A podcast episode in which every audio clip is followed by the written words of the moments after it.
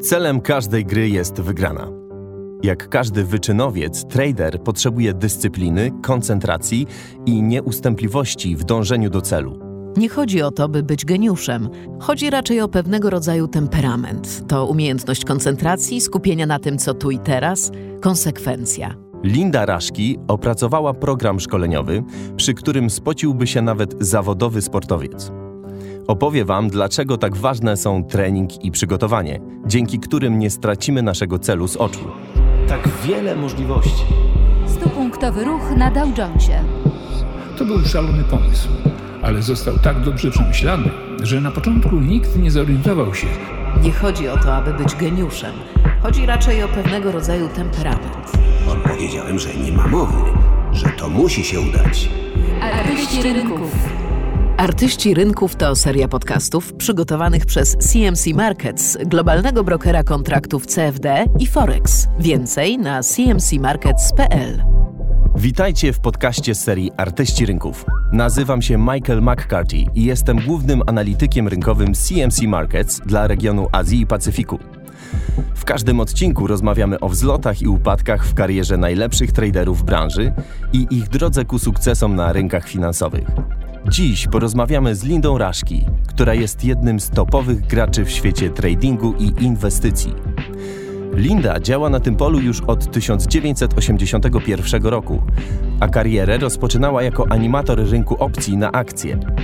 Była bohaterką książek autorstwa Jacka Schwegera Mistrzowie rynków finansowych. Rozmowy z najlepszymi amerykańskimi inwestorami i graczami giełdowymi oraz Sue Herery Woman of the Street Making It on Wall Street. Kariera Lindy trwa już ponad 35 lat. Zanim rozpoczęła działalność na własną rękę, pracowała dla kilku funduszy hedgingowych. Jej własny uplasował się na 17 miejscu w rankingu funduszy z najlepszymi pięcioletnimi wynikami, pokonując tysiące konkurentów. To zaangażowanie, skrupulatność i koncentracja wyniosły ją na podium w grze rynkowej. Łączymy się z Lindą Raszki w Chicago i witamy ją w kolejnym odcinku programu Artyści Rynków. Linda, opowiedz nam, dlaczego właściwie zostałaś traderką? Chcesz usłyszeć prawdę, czy mam zmyślać? Dla pieniędzy oczywiście. Kiedy skończyłam college, tak naprawdę niewiele umiałam. W sumie był to przypadek. Trading to nie jedna z tych złotych ścieżek kariery, do której wrota stoją szeroko otworem. W rzeczywistości trzeba się sporo nagimnastykować, aby dostać się do jednej z dużych firm. Moja droga też nie była łatwa. Pojechałam do San Francisco i złożyłam podanie o pracę do wszystkich firm brokerskich. Wymyśliłam sobie po prostu, że będę maklerem, nie mając nawet pojęcia o istnieniu parkietów giełdowych. Spotkałam się z kimś, kto pracował na giełdzie w San Francisco. Miałam zerowe pojęcie o opcjach na akcje i tak naprawdę mogłam w tym momencie wybrać zupełnie inną karierę. Chciałam na przykład komponować muzykę, interesowałam się wieloma różnymi rzeczami, ale skończyłam jako traderka. Czy ja dobrze słyszę? Cały ten czas spędzony przy pianinie doprowadził cię na parkiet giełdy? No tak, bo byłam fatalną pianistką. Okej, okay, w rzeczywistości nie było aż tak źle. Tak naprawdę to byłam w tym całkiem dobra. Faktycznie codziennie spędzałam przy pianinie po 6 godzin. I coś ci powiem. Istnieje wiele podobieństw pomiędzy trzema głównymi typami traderów, którzy osiągnęli sukces w różnych dziedzinach. Niektórzy z nich byli kiedyś zawodowymi sportowcami, inni mieli zacięcie muzyczne. I jest jeszcze trzecia kategoria. To przypadek grupy żółwi Richarda Denisa i ich drogi do oszałamiających sukcesów. Richard Dennis i jego partner wybierali głównie tych kandydatów, którzy byli świetni w teorii gier. Ja mam na przykład grupę przyjaciół działających na parkietach giełdowych i wszyscy oni kiedyś grali w turnieju pokerowym Grandmasters Poker, który co roku odbywa się w Las Vegas i w którym można wziąć udział tylko na zaproszenie. To są właśnie tego pokroju ludzie. Podczas lunchu na piętrze zawsze ktoś grał w tryk-traka – Wszystkie te zajęcia wymagają wielkiej koncentracji i skupienia na tym, co tu i teraz. To kwestia konsekwencji w dążeniu do celu. Żadnej z tych dyscyplin nie można uprawiać, jeśli nie poświęca się im 100% uwagi. Nie można na przykład jednocześnie śledzić mediów społecznościowych, oglądać telewizji czy angażować się w inne zajęcia, które nas rozpraszają. Podobnie jak rozgrywka szachowa, trading wymaga wielkiego skupienia – Trzeba planować kilka ruchów do przodu i być w pełni skoncentrowanym. To trochę tak, że trzeba mieć wtedy klapki na oczach. To bardzo ważne, bo przecież jest tyle rzeczy, które przyciągają naszą uwagę. Musimy się od nich odizolować. Od tych wszystkich bodźców, kierunków, strategii rynków, a także bitcoinów, czynników sezonowych, trendów makro, algorytmów. Wszystkie te bodźce będą nas odciągać z wybranej ścieżki. A gra właśnie na tym polega na odnalezieniu własnej drogi i podążaniu nią. Czy uważasz, że niektórzy traderzy mają naturalny talent, który później tylko rozwijają? Czy też można zacząć od zera i po prostu zostać traderem, nie posiadając naturalnego talentu?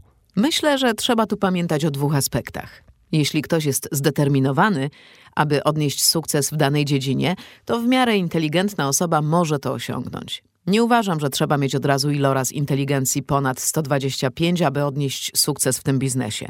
Zresztą w dzisiejszych czasach takie IQ nie robi już wrażenia. Nie sądzę też, aby była to kwestia wyższego wykształcenia. Szanse są więc wyrównane dla wszystkich. Nie chodzi o to, by być geniuszem. Chodzi raczej o pewnego rodzaju temperament – tak naprawdę problem polega na tym, że masa ludzi chce się bawić w trading, bo myślą, że to fajna zabawa, coś w rodzaju gry, w której na dodatek można dużo zarobić. Szybko jednak okazuje się, że to nie zabawa. Trading to bardzo stresujące zajęcie i wymaga naprawdę grubej skóry. Mimo wszystko może się równocześnie okazać najfajniejszym hobby na świecie, przy którym można się świetnie bawić. Nie wolno tylko poddawać się presji, że trzeba co roku zarabiać milion dolarów, bo to jest całkowicie nierealne. No to załóżmy, że jest taki trader, którego iloraz inteligencji jest wystarczająco wysoki i który jest zdeterminowany i odporny na presję, no i opracował odpowiedni system. Jakie powinien przejść szkolenie? Jak przygotować się do rozgrywki? Im więcej decyzji podejmie, zanim rynki się otworzą, tym lepiej dla niego. Powinien z góry określić rozmiar każdej transakcji i poziom ryzyka, jakie jest dla niego możliwe do przyjęcia. Powinien też oczywiście dobrze poznać rynki, na których ma zamiar działać w danym dniu, no i musi określić strategię inwestycyjną na ten dzień. Wszystko to trzeba mieć w głowie przed otwarciem rynków. Jeśli o mnie chodzi, to ja wieczorem w ten właśnie sposób się przygotowuję. Układam plan na kolejny dzień, a rano z kolei robię tak: wyłączam komputer i włączam go ponownie. Następnie upewniam się, że wszystkie formularze zleceń są otwarte. Nawet najlepsze oprogramowanie i sprzęt nie są niezawodne. Zawsze coś może nawalić, połączenie z internetem, cokolwiek. Jeśli zaś wykonam test na sucho, mam pewność, że wszystkie systemy działają prawidłowo. Potem idę na górę i robię sobie kawę i przeprowadzam próbną transakcję. Badam rytm nocnego rynku i wtedy mogę otworzyć poranną transakcję na indeksie S&P.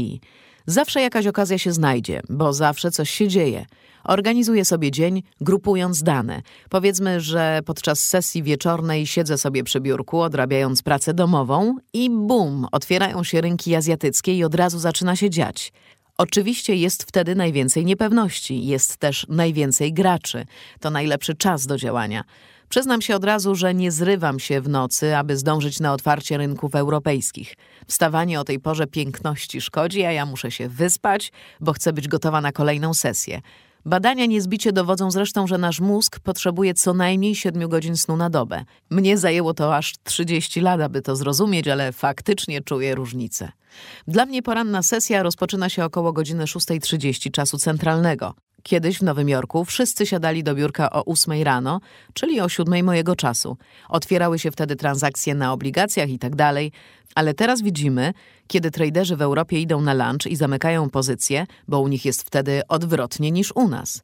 Właśnie wtedy my w Stanach siadamy przy biurkach, bo zawsze można w tym czasie trafić kilka niezłych okazji. Należy więc mieć plan i odpowiednie podejście. A co się dzieje, jeśli coś idzie nie po twojej myśli? Jak sobie z tym radzisz? Należy wziąć pod uwagę kilka elementów. Czy powodem były problemy ze sprzętem lub oprogramowaniem, na które nie masz wpływu? Taka złośliwość rzeczy martwych jest najbardziej wkurzająca. Na przykład, kiedy w trakcie sesji nagle padają serwery giełdy, a ja mam otwarte pozycje. Gwarantuję, że kilka razy w roku zdarzy się to na pewno. Jakiś problem z komputerem, tego typu sprawy. To strasznie frustrujące. Wiem, że to moja pięta achillesowa, bo taka złośliwość rzeczy martwych frustruje mnie najbardziej. Jestem tego świadoma, więc wiem, że powinnam się wycofać i starać się nie popełniać błędów do końca dnia, bo błędy popełniam właśnie wtedy, gdy jestem zdenerwowana. Kolejny problem, na który nie mamy wpływu, to wystąpienie jakiegoś zdarzenia nadzwyczajnego. Tak było wtedy, kiedy miałam otwartą pozycję, a Fed ogłosił zamiar przejęcia Fannie Mae i Freddie Maca, a indeks S&P zanotował wzrost o 40 punktów na otwarciu w niedzielę wieczorem. To kolejny rodzaj ryzyka rynkowego. Perry Kaufman badał tego typu zdarzenia, takie jak na przykład katastrofa w Czarnobylu. Jak sobie z nimi radzić? Istnieje cały zestaw reguł, które należy wdrożyć w takich sytuacjach. Pewnie zabrzmi to niewiarygodnie, ale w przypadkach skrajnych stawkę się czasem podwaja, ale w innych przypadkach po prostu zaczynamy się wycofywać, redukujemy swoje pozycje. Różne rzeczy mogą się wydarzyć. Jutro może być zamach na prezydenta. Nie można wszystkiego przewidzieć i nie na wszystko mamy wpływ. Działamy na rynkach, a tam narażeni jesteśmy na ryzyko. Więc zmniejszasz zaangażowanie, aby mieć ryzyko pod kontrolą. No tak, rezygnuję z części pozycji, a jeśli naprawdę mi się podobają, zawsze mogę do nich wrócić. Ale większość ludzi ma w takiej chwili problem z podjęciem jakiejkolwiek decyzji. Zastygają jak dzikie zwierzęta oślepione światłami reflektorów. I właśnie wtedy zaczynają się ich kłopoty. Siedzą i biją się z myślami. Wiedzą, co powinni zrobić, ale są jak sparaliżowani. To fatalny scenariusz. Myślę, że mogłabym napisać na ten temat króciutką instrukcję, dosłownie trzy punkty. Po pierwsze, niech strach cię nie sparaliżuje. Po prostu zredukuj niektóre pozycje. Zawsze możesz do nich wrócić. Często ludziom wydaje się, że jeśli już zaczęli grać na rynku, to mają tylko dwie opcje: wszystko albo nic. Ale kiedy zdarza się coś niespodziewanego, a my nie mamy narzędzi ani informacji niezbędnych do oceny tego zdarzenia oraz ryzyka, jakie one ze sobą niesie, wówczas należy zacząć się wycofywać. To właśnie ten moment, kiedy zdajemy sobie sprawę, że możemy zamknąć całą pozycję, ale wcale nie musimy. Ten moment jest bardzo istotny, bo ułatwia podjęcie decyzji o zmniejszeniu zaangażowania do bezpiecznego limitu. A potem, kto wie, może wrócimy do pierwotnego planu, może otworzymy jeszcze więcej pozycji, może zrobimy coś innego. Ale na początku trzeba zrobić krok wstecz, bo pod wpływem emocji nie myślimy jasno, pojawia się wiele zmiennych, a my nie znamy ryzyka. Musimy się wtedy wycofać i zająć bardziej komfortową pozycję. Oczywiście może to być nadal świetna okazja do zarobku, ale nie wtedy, gdy trzymamy całą pozycję otwartą, lecz znajdujemy się po niewłaściwej stronie. Rozumiesz, co mam na myśli? Najpierw trzeba posprzątać bałagan, zredukować pozycję, a potem można wznowić grę. Czujemy się wtedy bardziej swobodnie, czujemy przepływ nowej energii, jesteśmy podekscytowani i gotowi do walki. Jeśli zaś tego nie zrobimy, czujemy się podle. O Boże, założyłem sobie pętlę na szyję, spieprzyłem sprawę. A czy spotykasz takie przypadki, kiedy trader przeholuje z zawieranymi transakcjami? No cóż, taki trader chyba powinien zrezygnować z porannej kawy. Jeżeli mamy tendencję do zbytniego szarżowania, należy prowadzić dziennik transakcji, a na koniec dnia zaznaczać sobie te, które były typowo reaktywne. Na przykład, kiedy coś nam ucieka, a my gonimy przysłowiowego króliczka albo kiedy pod wpływem nerwów robimy krok w tył, ale potem wracamy na poprzednio zajętą pozycję. Należy w ten sposób śledzić wszystkie swoje ruchy przez trzy kolejne dni. Tylko przez trzy dni. Potem należy zaznaczyć transakcje podejmowane pod wpływem emocji, transakcje nieplanowane. Zobaczyć, ile nas one kosztowały. Albo może wręcz przeciwnie. Może jesteśmy takimi geniuszami, że udało nam się na takich transakcjach zarobić. Należy takie transakcje wycenić. Po trzech dniach powinniśmy mieć jasny obraz sytuacji. Zobaczymy, ile kosztują nas spontaniczne i emocjonalne reakcje na rynkach finansowych. A na koniec należy znaleźć te transakcje, które były zaplanowane jako część naszej strategii, na które cierpliwie poczekaliśmy, i zobaczyć, jakie były ich rezultaty. Naprawdę uważam, że nie potrzebujemy do tego trenera. Wystarczy znajomość kilku elementarnych narzędzi i możemy sami sobie z tym poradzić. A jeśli nie, jeśli nie potrafisz dojść do takich wniosków sam, to sorry, zastosowanie ma teoria Darwina. Po prostu nie przetrwasz w tym świecie. Innymi słowy, jeśli bardzo chcesz się dostać do finału Super Bowl, jest to możliwe. Tak, bo wpadniesz na jakiś pomysł, aby tam się dostać. Rynek to najlepszy nauczyciel na świecie. Nauczy cię więcej niż jakikolwiek instruktor. To naprawdę sprawa bardzo indywidualna, bo twój sukces zależeć będzie od tego, ile czasu poświęcisz pracy nad nim i jak dobrze jesteś zorganizowany. Sportowcy mają różne programy szkoleniowe czy treningowe. To samo można powiedzieć o tradingu. Co sądzisz o szkole finansów behawioralnych? Czy ta teoria może się przydać traderom? Pewnie. Wszystko sprowadza się do świadomości własnych preferencji i skłonności. Przecież właśnie one od zawsze napędzały rynki. Chodzi o źródło popytu i podaży, rządze pieniądza, teorię aukcji. Te skłonności i zachowania można badać. Na przykład, jeśli w pokoju zgromadzimy 100 traderów i pokażemy im wykres formacji świecowej indeksu SP, która pokazuje, że dołujący rynek zmienił kierunek i poszedł w górę, to 80% z nich będzie chciało grać na zwyżkę i nawet nie rzucą okiem na to, co działo się dzień wcześniej. Jeśli wykres zamyka się na górze, a świeca jest naprawdę wysoka, to ludzie natychmiast zamieniają się w byki. Samo w sobie nie będzie to stanowić podstawy strategii tradera, ale trzeba być świadomym, że ma się takie skłonności.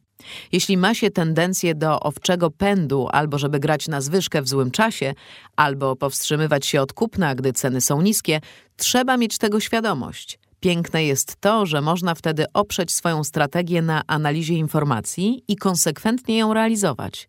Z drugiej strony mamy też wskaźnik VIX, czyli indeks strachu.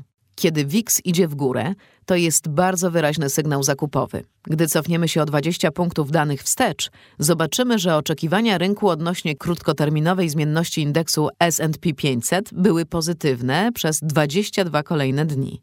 Tego typu analizy są najlepszym lekarstwem na nasze osobiste skłonności, które są przedmiotem badań z dziedziny finansów behawioralnych.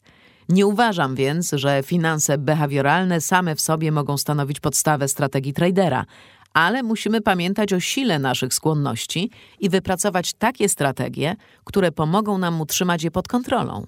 Linda, wspomniałaś wcześniej, że przeszłaś na emeryturę, ale z Twoich opowieści o rynkach nadal wybrzmiewa prawdziwa pasja. Chyba jeszcze nie zeszłaś całkiem z boiska na ławkę rezerwowych, prawda? Ale że ja codziennie śledzę na ekranie, co się dzieje i cholera, dopiero teraz bawię się naprawdę świetnie. Nie muszę już prowadzić firmy. Mój Boże, te urzędy, formularze, pracownicy, sto różnych numerów, ciągle coś. Wiesz, ja po prostu nie lubię prowadzić firmy. Teraz dopiero jestem szczęśliwa jak dziecko. Działam na własny rachunek, patrzę na własny ekran.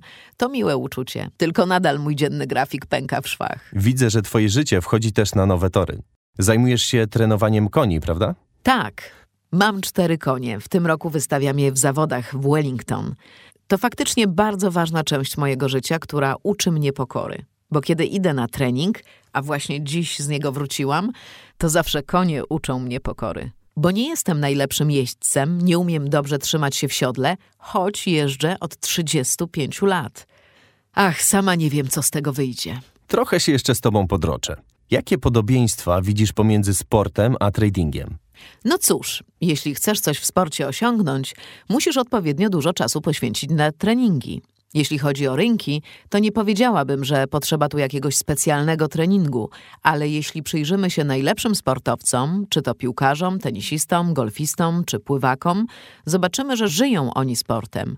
I to wyróżnia zawodowców, których kariera trwa dłużej niż innych, również na parkiecie. Albo jako trader poświęcisz sporo czasu i uwagi na wypracowanie systemów, prowadzenie analiz i opracowanie modeli, które dadzą ci przewagę, albo wypadasz z gry. Wiele osób zrezygnowało z kariery tradera, bo było to dla nich zbyt intensywne zajęcie. Powiedziałabym, że większości z nich nie udało się zrobić kariery, ale prawda jest taka, że nie wszystkim uda się odnieść stuprocentowy sukces. Musimy pamiętać, że to tylko gra, a niektórzy próbują osiągnąć zbyt dużo w zbyt krótkim czasie. Ja jestem przekonana, że na rynkach jest miejsce dla wszystkich.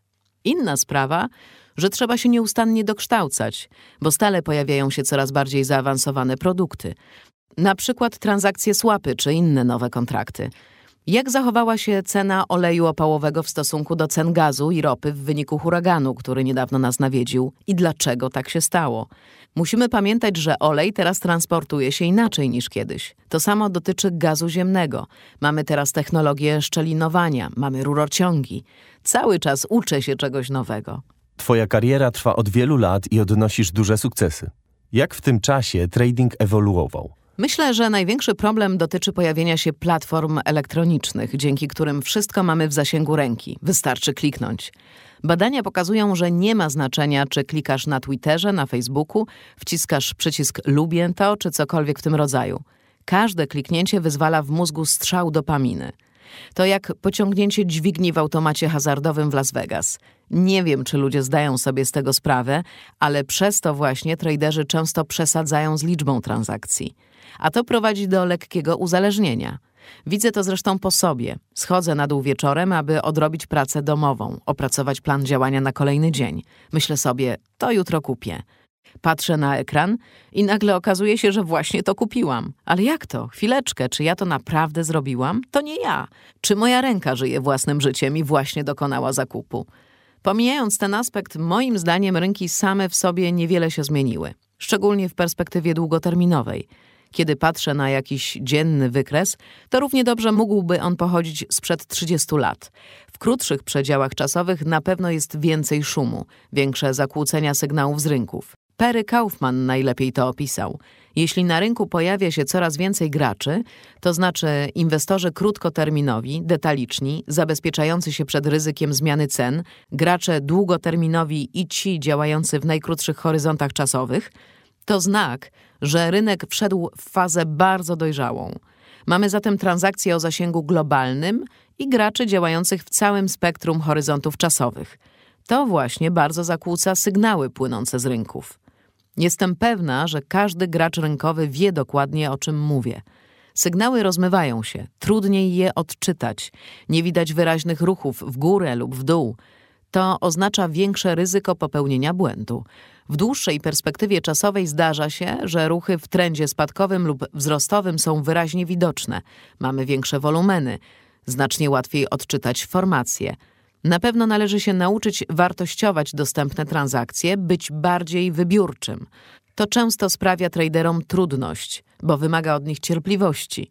Myślę, że najlepiej jest wtedy znaleźć partnera w internecie albo dwóch czy trzech znajomych na Skype'ie, którzy działają na tym samym poziomie. Uważam, że to najlepsze rozwiązanie. Coś jak sparring partner? Dokładnie. Ja mam na przykład grupę na Skype'ie. Jest nas pięcioro. Nie mogłabym chyba żyć bez ich żartów. 99% naszych rozmów nie ma zresztą nic wspólnego z rynkami. Ale gdy tylko o czymś istotnym się dowiemy, natychmiast dzielimy się tą informacją w grupie. Wszyscy zajmujemy się swoimi sprawami, ale informujemy resztę o tym, co robimy w formie wykresów. Wrzucamy jakąś formację, a pozostali członkowie grupy mogą ją ocenić na własne potrzeby. Uważam, że to bardzo pomocne. Każdy powinien mieć jednego czy dwóch partnerów wśród innych traderów, bo wtedy ludzie czują odpowiedzialność przed sobą wzajemnie, a to się przydaje. Chciałbym jeszcze wrócić do tego, co powiedziałaś przed chwilą.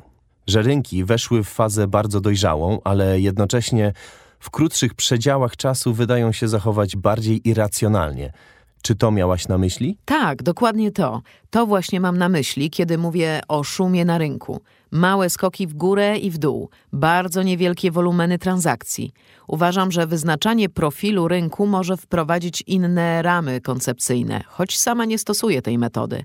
Ale pomaga ona ustalić, gdzie powstaje cały ten szum, te śmieciowe transakcje, nieudane aukcje. I jeżeli uda się od tego szumu uciec, można będzie do transakcji wrócić. Można wtedy inaczej patrzeć na rynek, zamiast próbować oceniać zmiany kierunku trendu w górę lub w dół, czy rozbieżności między kierunkiem ceny a kierunkiem wskaźnika. Tego typu klasyczne narzędzia po prostu się nie sprawdzają w odniesieniu do krótszych przedziałów czasu, właśnie z powodu zakłóceń ze strony szumu rynkowego. Lindo, nasi słuchacze na pewno słyszą pasję w Twoim głosie, kiedy opowiadasz o rynkach. Za co kochasz trading? Czy za poczucie niezależności, jakie ci daje? Uważam, że na rynku można sobie radzić samodzielnie. Nie potrzebujemy do tego mentorów. Wszystko można dziś znaleźć w internecie. Wystarczy przeczytać jedną książkę o analizie technicznej autorstwa Szabakera czy Wajkofa, aby zdobyć solidne klasyczne podstawy. Co to jest wsparcie, co to jest opór, bo czym jest wsparcie? To dwa punkty danych. Jeśli następuje ruch w dół, następnie w dół, a potem odbicie w górę, to nie jest wsparcie. Poziom wsparcia musi zostać przetestowany. Musimy mieć ruch w dół, ponowne przetestowanie, a potem ruch w górę. To muszą być dwa określone punkty danych, ale nie muszą być wcale idealnie ułożone względem siebie. Jeden może być wyżej lub niżej od drugiego. A co wyznacza trend? Wiele osób powie, że średnie kroczące czy inny wskaźnik. To tradycyjna definicja trendu. Wszystko to można znaleźć samodzielnie w internecie, całkiem za darmo, albo wystarczy przeczytać jedną czy dwie książki Szabakera lub Wajkoffa. Przy czym ten drugi, moim zdaniem, lepiej wyjaśnia podstawy potrzebnej nam wiedzy. Następnie należy wydrukować swoje wykresy. Potraktujcie to jak projekt, który zadał wam na koniec roku nauczyciel w trzeciej klasie. Weźcie zeszyt i wydrukujcie 10 ulubionych formacji. A teraz znajdźcie po 20 przykładów dla każdej z tych formacji i przeanalizujcie ich wynik. Przyjrzyjcie się, jak te wykresy wyglądają. Najlepiej jest przygotować wszystko samodzielnie, bo wtedy macie większe wyczucie, więcej się nauczycie. Myślę, że takie ćwiczenie da Wam poczucie większej kontroli i pewności siebie, i taką radę chciałabym Wam zostawić na koniec. Linda, wywiad z Tobą był fascynujący, no i świetnie się przy tym bawiliśmy. To była Linda Raszki. Artyści Rynków to autorska seria podcastów CMC Markets, globalnego lidera transakcji online. Informacje przedstawione w podcastach mają charakter ogólny i nie dotyczą indywidualnej sytuacji finansowej naszych słuchaczy. Aby być na bieżąco z nowymi odcinkami, zachęcamy do subskrypcji za pomocą aplikacji Apple Podcasts lub innych aplikacji na Androida, z których korzystacie, by słuchać ulubionych podcastów. Udostępniajcie nasze podcasty znajomym i zostawcie nam swoją opinię. Nazywam się Michael McCarthy, a to był trzeci odcinek serii Artyści Rynków.